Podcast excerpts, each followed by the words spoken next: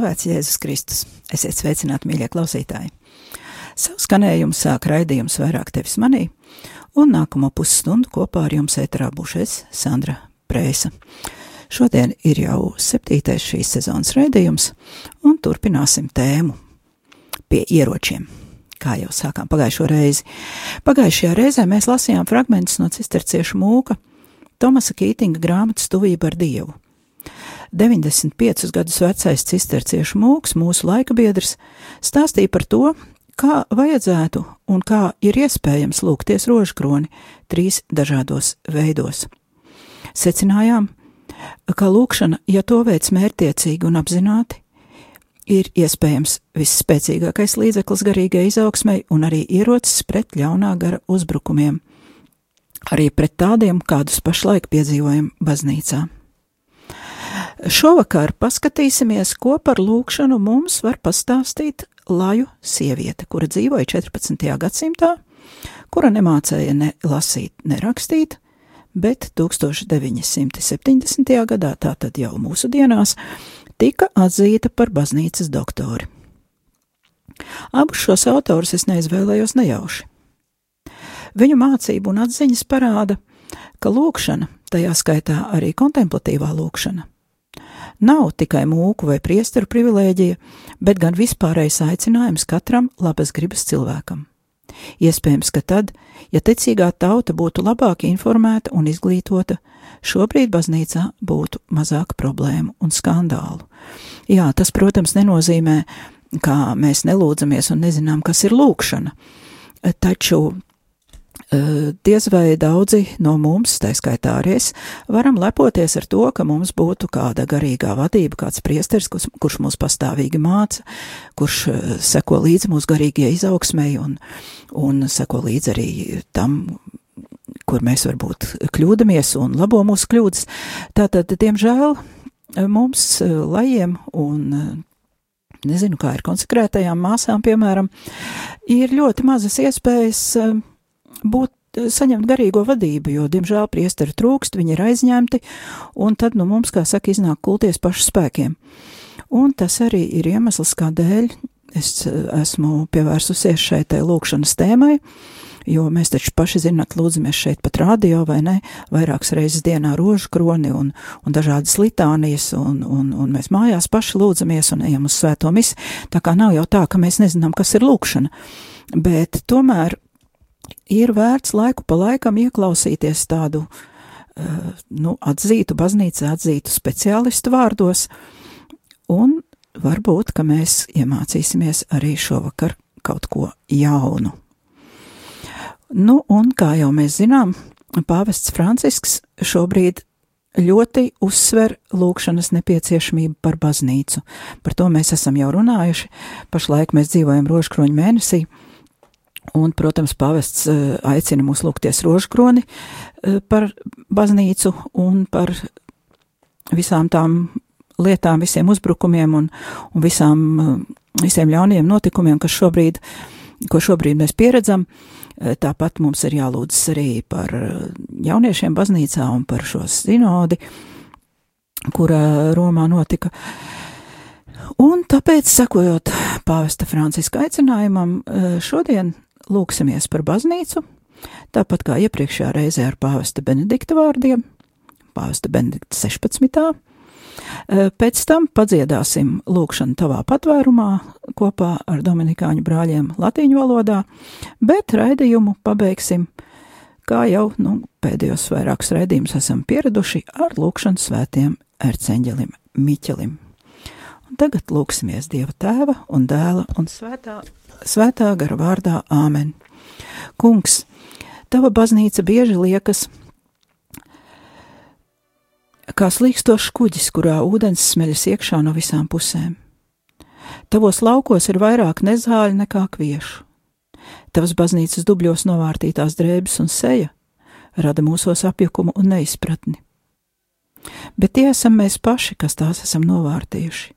Tie esam mēs paši, kas esam tevi nodevuši atkal un atkal, neskatoties uz mūsu cēlajiem vārdiem un dižanajiem žestiem. Apžēlojies par savu baznīcu. Ādams tās iekšienē joprojām turpina krist. Kad mēs krītam, mēs nogāžam tevi dubļos, un sātans smejas, jo viņš cer, ka tu nespēsi vairs piecelties pēc tāda kritiena. Viņš cer, ka tavas baznīcas kritiens būs tevi tik ļoti ievainojis, ka tu paliksi guļam un vairs necelsies. Bet tu no jauna augšām celsies. Tu esi piecēlies, tu esi augšām cēlies un vari augšām celt arī mūs. Sargi un svētī savu baznīcu, sargi un svētī mūs visus. Āmen! Tā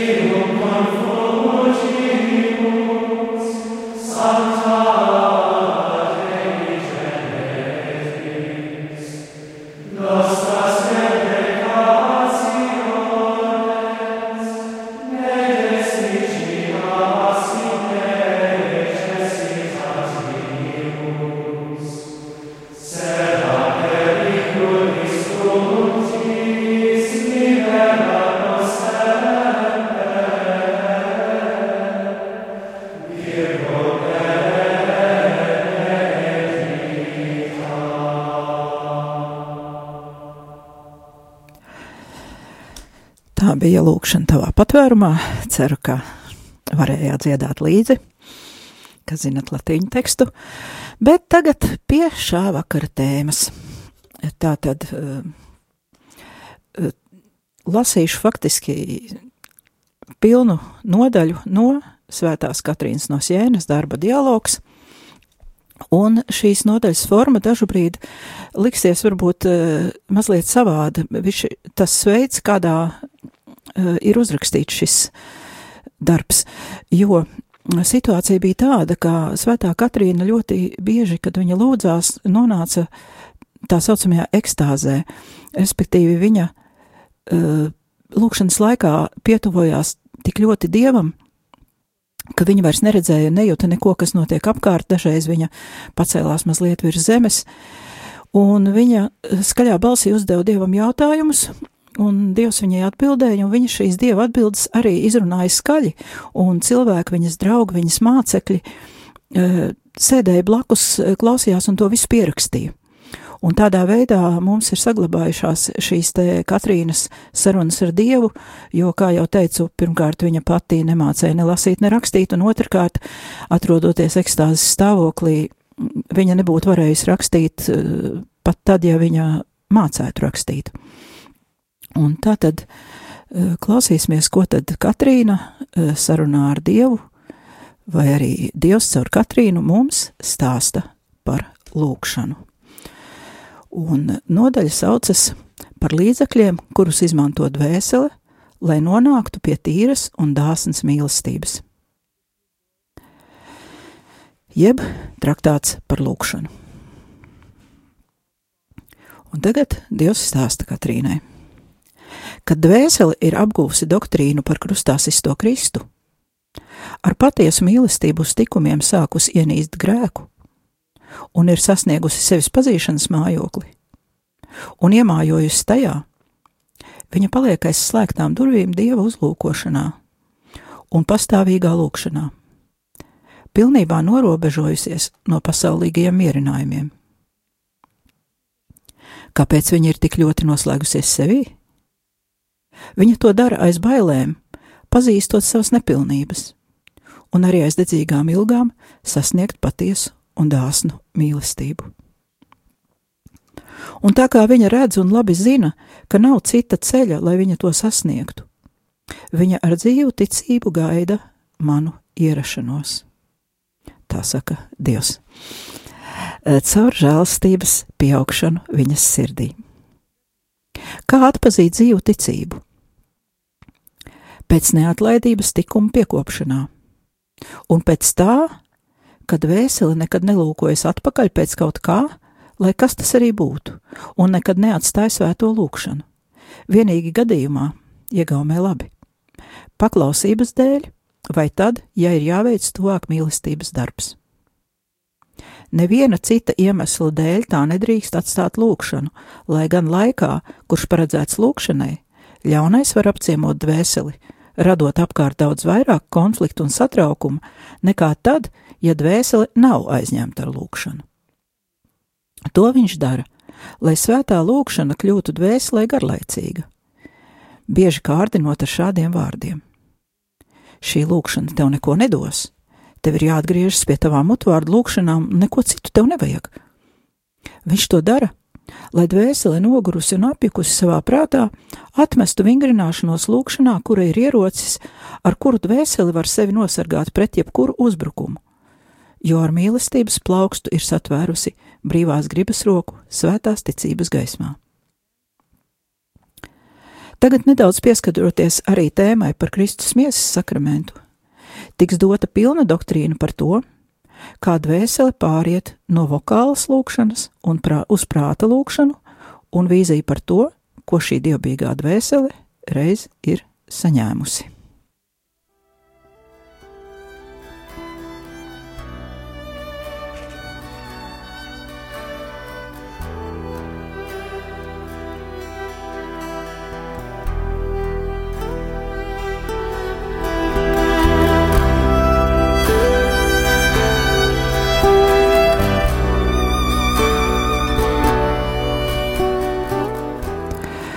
Un tagad turpināsim. Tātad Dievs uh, Katrīnai stāsta par lūkšanu, un viņš viņu uzrunā, un tālāk mēs dzirdēsim arī, ka viņš atgādina Katrīnai kaut kādas pieredzes, kuras uh, viņa bija ar Dievu izrunājusi, un viņš uz šīm te pieredzēm atsaucoties dod šo mācību, kuru mēs šovakar uh, lasām. Tātad Dievs turpina sarunā ar Katrīnu. Zini, mīļotā meita! Kā ar pazemīgu, nepārtrauktu un ticības pilnu lūgšanu un neatlaidību, dvēseli ar laiku spēja iegūt jebkuru tikumu. Kāpēc viņai vajadzētu būt neatlaidīgai un nekad nepamest lūgšanu? Ne, ne ļaunā gara ilūzija un kārdinājuma iespaidā, ne savas dvēseles trausluma dēļ, vai savu iedomu vai ķermeņa sajūtu dēļ, vai jebkādu vārdu dēļ, kurus izsaka kāda dzīva radība. Tāpēc ka ļaunais bieži vien palien zem radību mēlis, liekot tām runāt kaut ko pilnīgi absurdu, lai tikai atturētu dvēseli no lūkšanas. Dvēseli to visu var uzvarēt ar neatlaidības tikuma palīdzību. Ak, cik salda un patīkama gan šai dvēselē, gan man ir svētā lūkšana, kura radusies sevis un manis pazīšanas mājoklī. Atverot intelektu aci ticības gaismai, un savu jūtu pasauli manas mīlestības pārpilnībai, kura ir kļuvusi redzama jums caur manu vienzimušo dēlu, kurš to atklāja jums ar savām asinīm. Kuras asinis aprēbina dvēseli un ieterp to dievišķās mīlestības ugunī, dodot tai par barību sakramentu, kurš glabājas svētās baznīcas mistiskās miesas tabernākulā.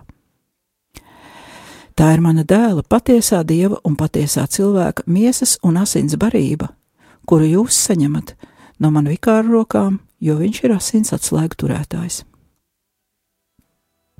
Tabernākls ir kā apstāšanās vieta, par kuru es tev stāstīju. Tā atrodas uz tilta, lai nodrošinātu ar pārtiku un komfortu ceļotājus un svēceļniekus, kuri dodas pa manas patiesības doktrīnas ceļu, lai viņi nesabruktu aiz noguruma. Šī barība stiprina un dod spēku, citam vairāk, citam mazāk, atkarībā no saņēmēja dedzības. Neatkarīgi no tā, vai viņš sakramentu saņem fiziski vai garīgi.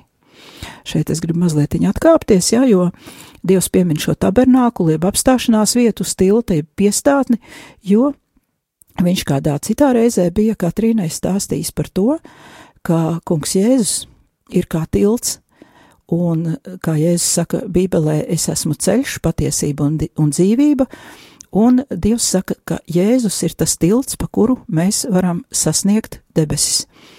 Bet uz šā tilta, ejot pa šo tiltu, uh, mēs varam būt noguruši, un tādēļ uz šā tilta ir šī baznīca, piestātne, kurā Kristus mūs baro ar savu miesu un asinīm, lai mēs varētu izturēt ceļā līdz galam. Un tagad tālāk uh, Dievs turpina stāstīt par garīgo komuniju. Mēs arī zinām, ka var cilvēki, kuri, teiksim, klausās radiotranslācijā svēto misi, var tā kā pieņemt garīgu komuniju, jeb būt vienībā ar baznīcu un tā kā saņemt sakramentu garīgā veidā. Bet tagad paklausīsimies, ko Dievs saka Katrīnai par garīgo komuniju. Tātad komuniju var saņemt divos veidos. Sakramentālā veidā, ja cilvēks fiziski pieskaras vissvētākajam sakramentam. Bet viņš saņem garīgi, jeb virtuāli, ja viņā ir abas, li, abas šīs lietas sekojošās - gan ilgas pēc komunijas, gan krustā sistā asins kontemplācija, kur, caur kuru, it kā caur sakramentālu vienotību, afektīvā mīlestības ak aktā, sajūtot, kā Dievs saka, asins garšu, kuras kāda vēseli to labi redz, ir izlietas aiz mīlestības viņš saņem pa īstam, kad viņš komunicē ar Jēzu šādā veidā. To redzot, dvēsele apreipst un viņā uzliesmo svēta dedzība, viņa piedzīvo, ka ir mīlēta, un viņa piepildās ar mīlestību uz mani un savu tuvāko. Kur gan var notikt tādas lietas, jautā Dievs? Sevis pazīšanas mājoklī. Svētās lūkšanas laikā kad zūd visas nepilnības, un pat Pēters un mācekļi, kad viņi palika nomodā un lūkšanā, zaudēja savas nepilnības un ieguva pilnību. Jā, šeit man īsti nav skaidrs, uz kuru uh, vietu ir atsauce, jo iespējams, ka tā atsauce ir pat uz olīvu dārzu, jo, lai gan Pēters un mācekļi aizmiga, viņi tomēr pirms tam bija ļoti varonīgi cīnījušies ar šo miegu un lūgušies. Un tagad Dievs atkal jautā, ar kādu līdzekļu palīdzību tas notiek? Ar neatlaidību, kura stiprināta ar vissvētāko ticību. Bet nedomājiet, ka tādu aizdegšanos un barību dvēseli saņem lūkšanā, ja šī lūkšana ir vienīgi vokāla, balsī un ar vārdiem, kā notiek ar daudzām dvēselēm, kuru lūkšanas ir drīzāk vārdi nekā mīlestība. Tādām dvēselēm nav nekā svarīgāka par psalmu recitēšanu un neskaitām tēvreižu skaitīšanu. Un kad viņas beidzot ir pabeigušas skaitīt savu sastādīto sarakstu, viņām nerodas doma, ka varētu darīt kaut ko vairāk. Bet galvenā uzmanība un mīlestība tiek pievērsta pašai vokālajai rečitēšanai, ko dvēselē nevajadzētu darīt, jo ja tā dara tikai to, tā nes maz augļu. Tas mani gan iepriecina, taču nedaudz. Bet ja tu, Dievs saka Katrīnai, man jautātu, vai tad dvēselē vispār ir jāpārtrauc vokālā lūkšana, ja tai liekas, ka ir saņēmusi aicinājumu uz kluso mentālo lūkšanu? Tad es teikšu, nē. Dvēselē ir jāpieaug pakāpeniski, un es labi zinu, ka vispirms dvēsele ir nepilnīga, un vēlāk kļūst pilnīga. Un tieši tāpat ir arī ar šīs dvēseles lūkšanu. Tāpēc viņa nedrīkst pamest vokālo lūkšanu, kamēr vien vēl ir nepilnīga, jo citādi viņa ieslīgs bezdarbībā un slinkumā.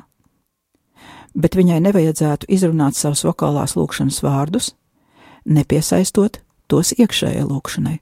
Citiem vārdiem, laikā, kad viņa recitē, viņai ir jācenšas pacelt savas domas uz manu mīlestību un iegremdēties tajā, vienlaicīgi paturot prātā savas nepilnības un mana vienzimušā dēla asinis, kurās viņa atrod manas mīlestības plašumu un visu viņas grēku piedošanu. Tas, kas viņai ir jādara, caur sevis iepazīšanu un savu nepilnību atzīšanu, viņai ir jāatzīst mana labvēlība pret viņu un jāturpina vingrināties ar patiesu pazemību. Es negribu, lai nepilnības vai grēki tiktu atzīti partikulāri, tas ir nosaukti vārdā, bet gan vispārēji, lai dvēseli atzītu savu nepilnību kā tādu, bet lai nepiesārņotu savu prātu ar atmiņām par kādiem konkrētiem un pretīgiem grēkiem. Bet, kā jau es teicu, es negribu, lai dvēsele skatītos uz saviem grēkiem gan vispārīgi, gan konkrēti, bez vienlaicīgas asins un manas žēlastības uzlūkošanas, jo baidos, ka citādi tā varētu krist izmisumā. Un tad kopā ar izmisumu atnāks arī ļaunais, kurš, kurš ir šo grēku izraisītājs. Un viņš atnāks maskējies zem grēku nožēlas un satriektas sirds grēku dēļ. Un tādā veidā dvēsele var nonākt zem mūžīgā lāsta nevien savu izmisuma dēļ, bet arī tā apjukuma dēļ, kurā viņa ir nonākusi, jo nebija pieķērusies manis pasniegtajai žēlastības rokai. Tagad citāta beigas. Mazliet atkāpšos, varbūt eh, ļoti daudz informācijas un tādā ļoti koncentrētā veidā. Eh, tā tad, eh, kā šo vajadzētu saprast? Tā tad Dievs brīdina no tā, ka dažreiz tāds izmisums mūsu grēku dēļ un tāda vaiprātīga nožēla mūsos rodas nevis tādēļ, ka mēs patiešām nožēlojam grēkus, bet ka tas ir sātana uzbrukums, lai mēs uh, iekristu tik dziļā nožēlā un tik dziļā izmisumā, ka mēs vairs neticētu, ka Dievs mums var piedot grēkus. Un tādā gadījumā notiek tas, ko Dievs teica, kā dvēsele var nonākt zem mūžīgā lāsta.